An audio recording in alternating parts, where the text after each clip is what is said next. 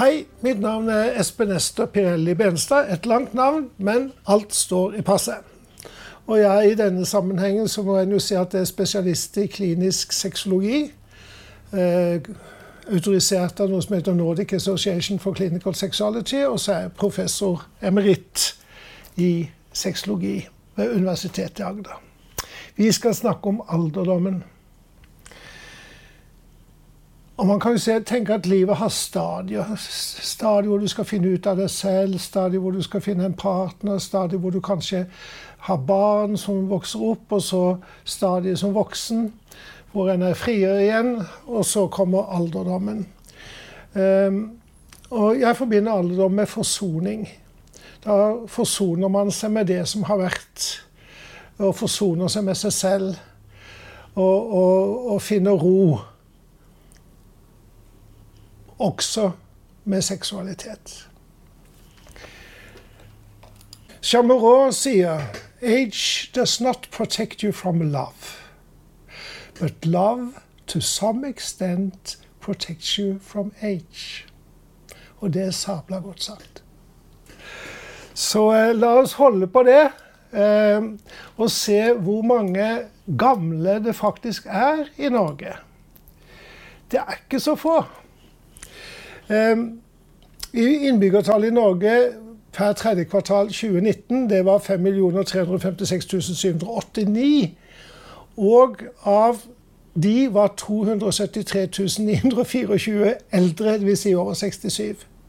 Det betyr 5,1% av befolkningen, og det er økende. Så det er ikke noen liten gruppe vi snakker om her. Vi snakker om mange mennesker. Og alle disse menneskene må vi regne med har en seksualitet. Hvis vi ser på levealderen, så er det viktig med den da at eh, eh, den øker. Vi blir på en måte i snitt eldre og eldre.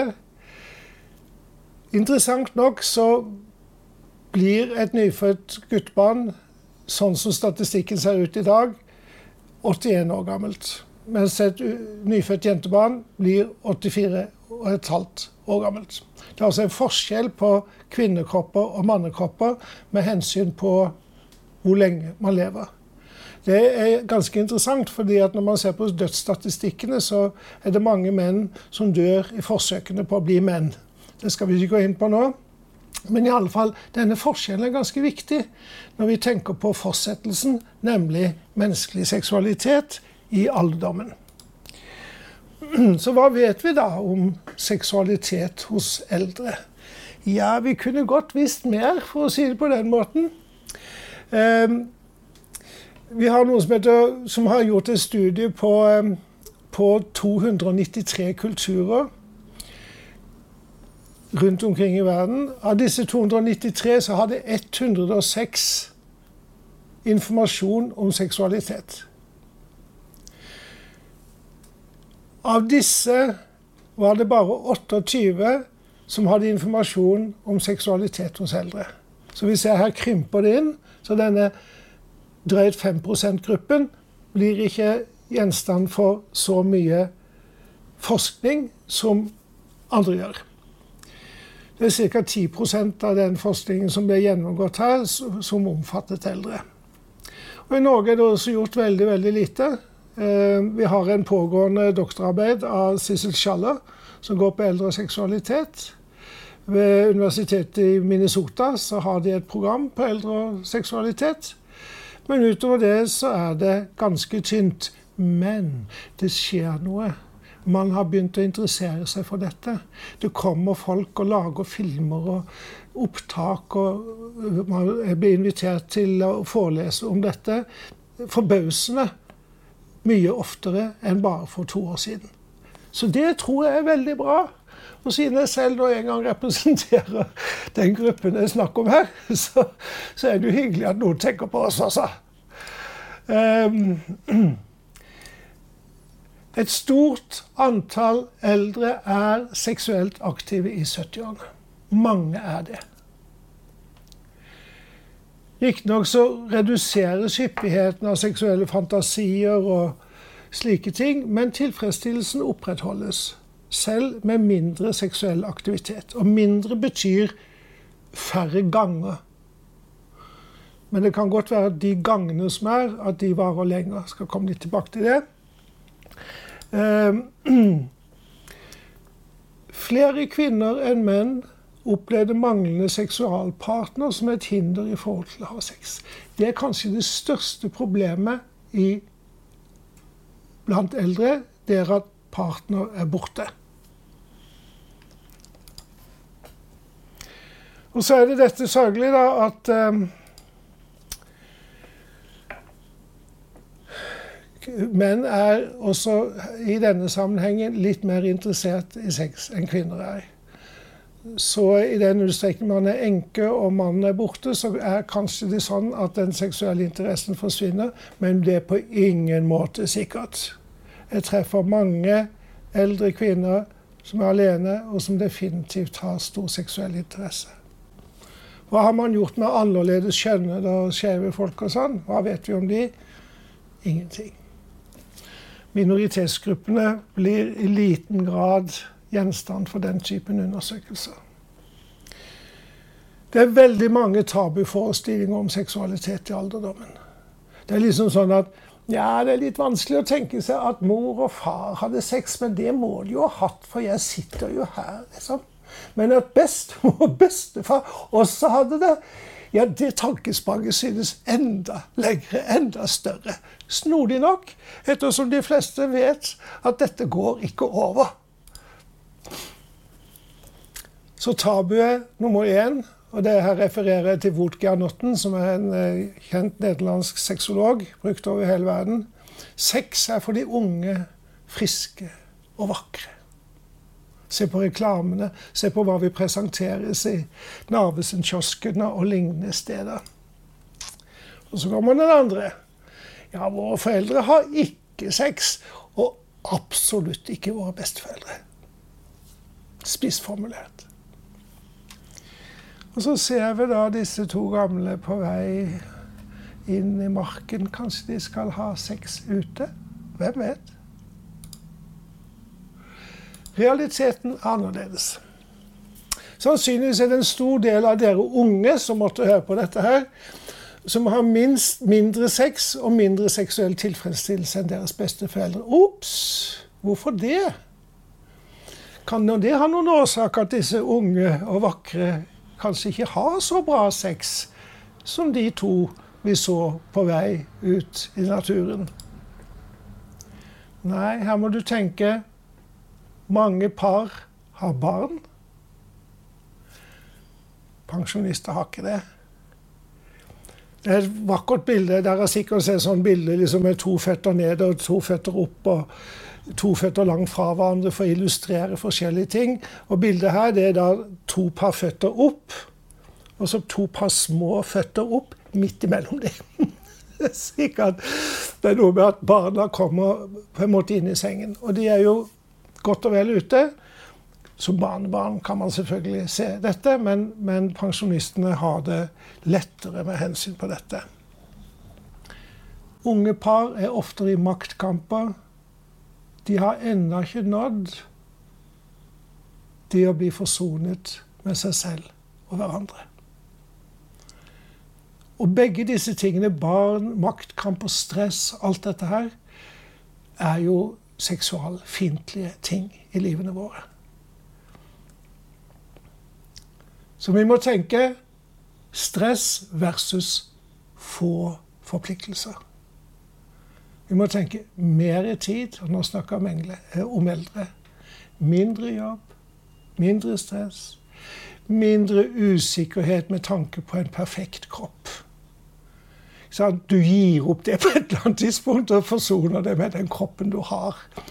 Mens i unge år så er det jo veldig mye fokus på kropp. og kan, Det er faktisk slik at, at mange føler, som føler seg seksuelt ikke attraktive pga. kroppslige skavanker, mister også lyst på sex. Synd. I alderdommen. Vi har forsonet oss med det. Og vi er ofte mye bedre tilpasset i parforholdet. Fordi at det da ofte har vart lenge. Og gamle mennesker kan bli hodestupsforelsket. Tro ikke at det fins noen aldersgrense for det. Og gamle mennesker kan bli veldig kåte. Nei, det er ikke noen aldersgrense for det heller. Og man kan endatil være erotisk eventyrlysten og tenke ja, det må vi prøve. Vi har jo tid, og vi har råd. Hurra!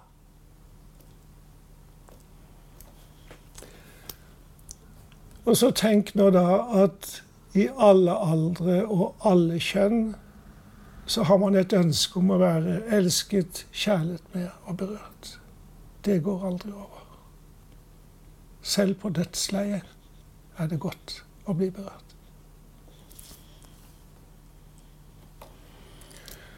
Og mange eldre har lykkes i å ikke fokusere så veldig mye på prestasjon. For noen synes jo da seksualitet å være en slags olympisk øvelse. Når man kommer litt opp i åra, så skjønner man at man skal ikke vinne gull her. Og det, den roen som det gir, gir plass for mer intimitet, mer berøring og sensualitet. Man har tid til det. Man har tid til det til frokosten. Ikke nødvendigvis å ha sex, men å være sensuelle med hverandre. Så behovet for å være erotisk attraktiv blir heller ikke borte med alderen. Her har vi litt mer virkelighet, stadig med referanse til Wutgernutten. Eh, og det er jo en interessant liten kurve her som sier at i unge år så er det mer posisjoner, det er mer penetrasjon, det er mer performance. Mens i eldre år så er det mer intimitet, mer kosing, mer sensualitet. Så dette det da, finnes det da vitenskap på. Færre eldre er seksuelt aktive på den måten at det er mindre samleiehyppighet, men også for mange en større grad av seksuell nytelse. Man kan gi seg hen, man kan være i situasjonen lengre. Det er ingen som maser om at de vil ha frokost. Se litt på hvilke problemer og utfordringer man ser hos eldre kvinner. De har akkurat like mange seksuelle eller sexologiske problemstillinger som unge kvinner har. sånn i det store det hele. Og de er bekymret over partners seksuelle funksjon. Partner er ofte en mann. Jeg kommer litt tilbake til det. Og de ønsker at legen hadde tatt opp spørsmål angående seksualitet. Når legen intet sier, vil pasienten intet fortelle. Så det å spørre om dette skulle være pålagt i helsevesenet. På en måte så er det det, men man gjør det bare ikke. Så jeg spør hvem gjør egentlig det? Utfordringen for en aldri kvinne kan være manglende orgasme. Det kan være litt hormonpåvirket. Men vær oppmerksom på at man kan nyte mye uten å få orgasme. Kanskje mister man seksuell interesse, spesielt hvis man ikke har partner. Man kan få motstand mot sex hvis det er noen som en ikke oppfatter som attraktive, og som er masete. Så er det slik at etter overgangsalderen så reduseres mengden med østrogen i, i, blodet. Og østrogen er et viktig hormon for ha, at skjeden kan fuktes. Slik at eh, det reiser spørsmålet om dette med om man skal ha hormonsubstitusjon eh, eh, når man er ferdig med klimakteriet. Det ligger ikke til denne forelesningen, men det er et interessant tema. Det vil i så fall bedre lubrikasjon, og det vil bedre slimhinnene i skjeden og rundt skjeden. Og så kommer det viktige, da manglende partner. Slik at man er henvist til å enten få en ny partner eller ha sex med seg selv. Og så hender det selvfølgelig at man har, er utro, og det kan også 70-åringer være.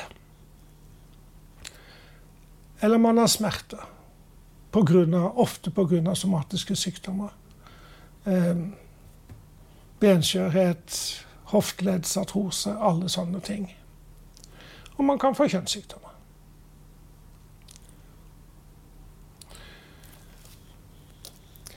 Hvis vi nå ser på forventet livslengde i Norge, jeg var jo så vidt inne på det, så er det jo slik da at det er i denne statistikken så er det tre og et halvt år hvor kvinner blir eldre enn menn.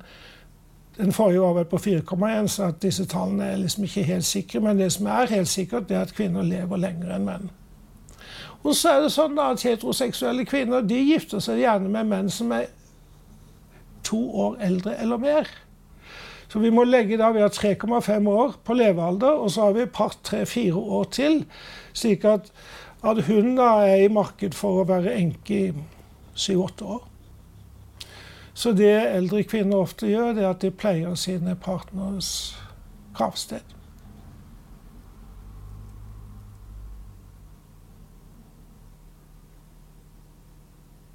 Så mange eldre kvinner har ikke lenger en mannlig partner. Og da snakker vi om heteroseksuelle kvinner. For lesbiske vil det være annerledes. Vi har jo biologiske faktorer som kommer inn her. Vi har klimakteriet. hvor både testosteron og østrogen faller i kvinnekropper. Testosteron ikke så mye som østrogen. Vi ser jo et fall i testosteron også i mannekropper. Noen snakker om mannens overgangsalder, og den er det vel aldri noen som har bevist finnes. Men eh, hvis man ser det over tid, så er det jo en slags overgang hele tiden. Med stadig mindre testosteron. Og testosteron er jo naturens elskovsfremmende middel.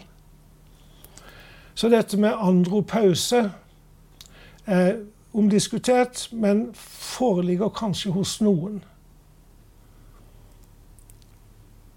Og mange, relativt mange eldre menn har problemer med reisningen. Det kan kanskje først og fremst skyldes at eh, blodårene ikke er helt sånn som de var en gang.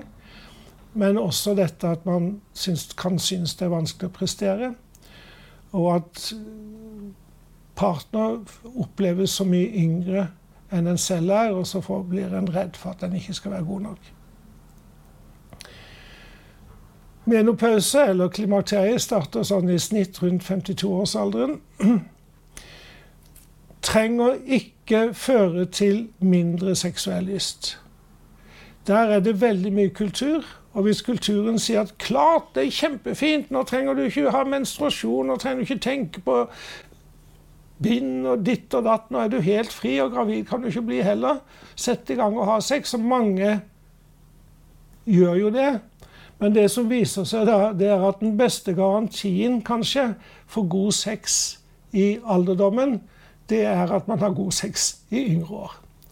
Så den som mye har, skal mye få.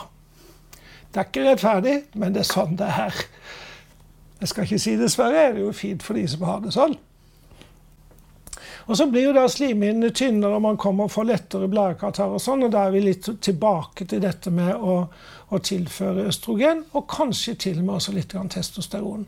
Det, det, gjøres det veldig lite av, men jeg er helt sikker på at det vil komme eh, testosteronpreparater som er laget for bruk av kvinner. De skal være liksom en tidel av den styrken man gir til menn. Så, så det er spennende og viktig, og, og, er på en måte ganske sexologisk vesentlig, dette at, at en har disse stoffene, disse hormonene, i rimelige mengder i kroppen. Men igjen ens egen innstilling, ens egen erfaring, betyr veldig mye. Så hvis erfaringen er god, så fortsetter man selvfølgelig å gjøre det gode.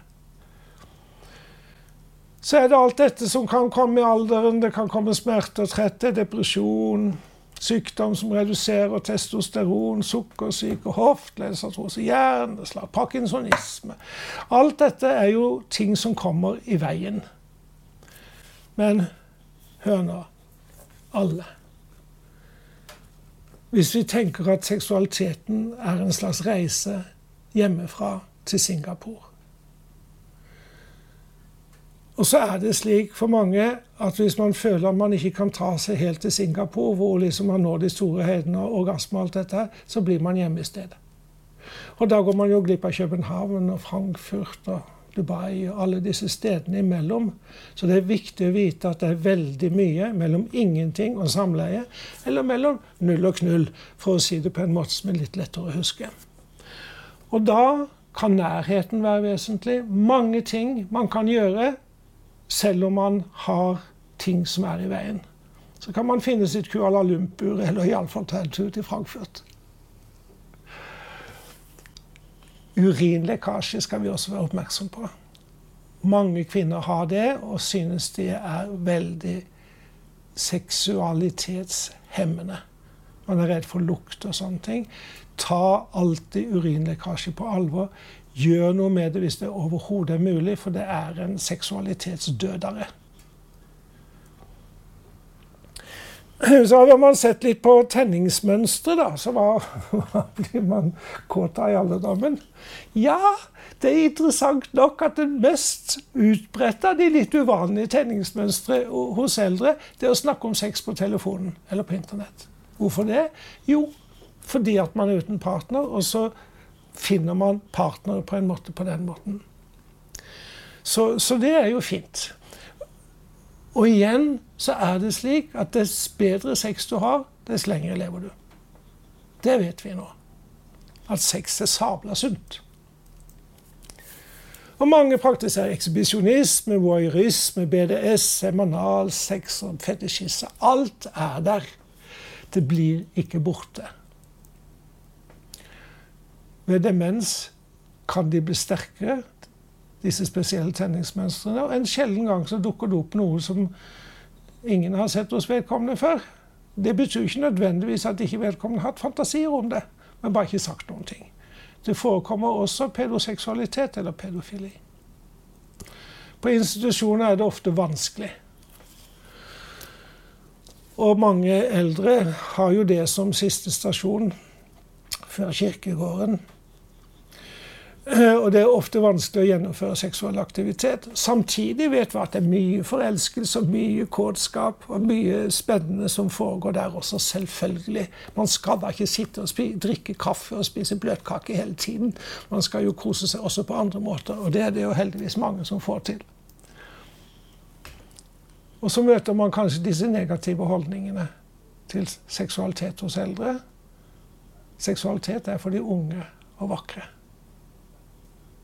Det er lite kunnskap om seksualitet hos, hos, eldre i mange institusjoner.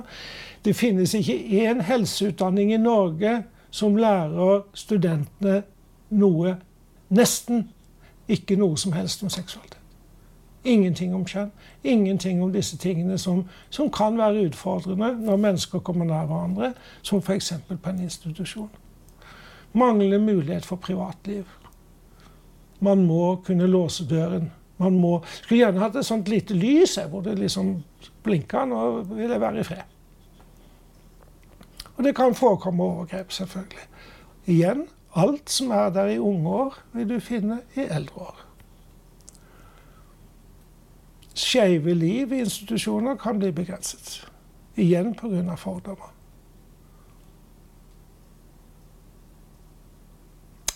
Og ikke glem at de aller fleste av oss blir gamle. Og det finnes ikke syk seksualitet, bare syk seksualforvaltning. Og det finnes fravær av forvaltning, slik som norsk helsevesen har gjort det til nå. Man har liksom ikke laget noen seksualkultur i Norge. Og det gjør ikke saken bedre. Så konklusjonen er det er et stort arbeid å gjøre i forhold til å utvikle kunnskap og holdninger som kan bidra å stå eldre bi når det gjelder å opprettholde seksualitet. Dette arbeidet gjelder den aldrende befolkningen selv, og det gjelder samfunnet, og det gjelder helsepersonell. Det viktigste i seksualiteten er tillatelse. Og tillatelse er det i stor utstrekning kulturen som gir. Så det er bare å sette i gang.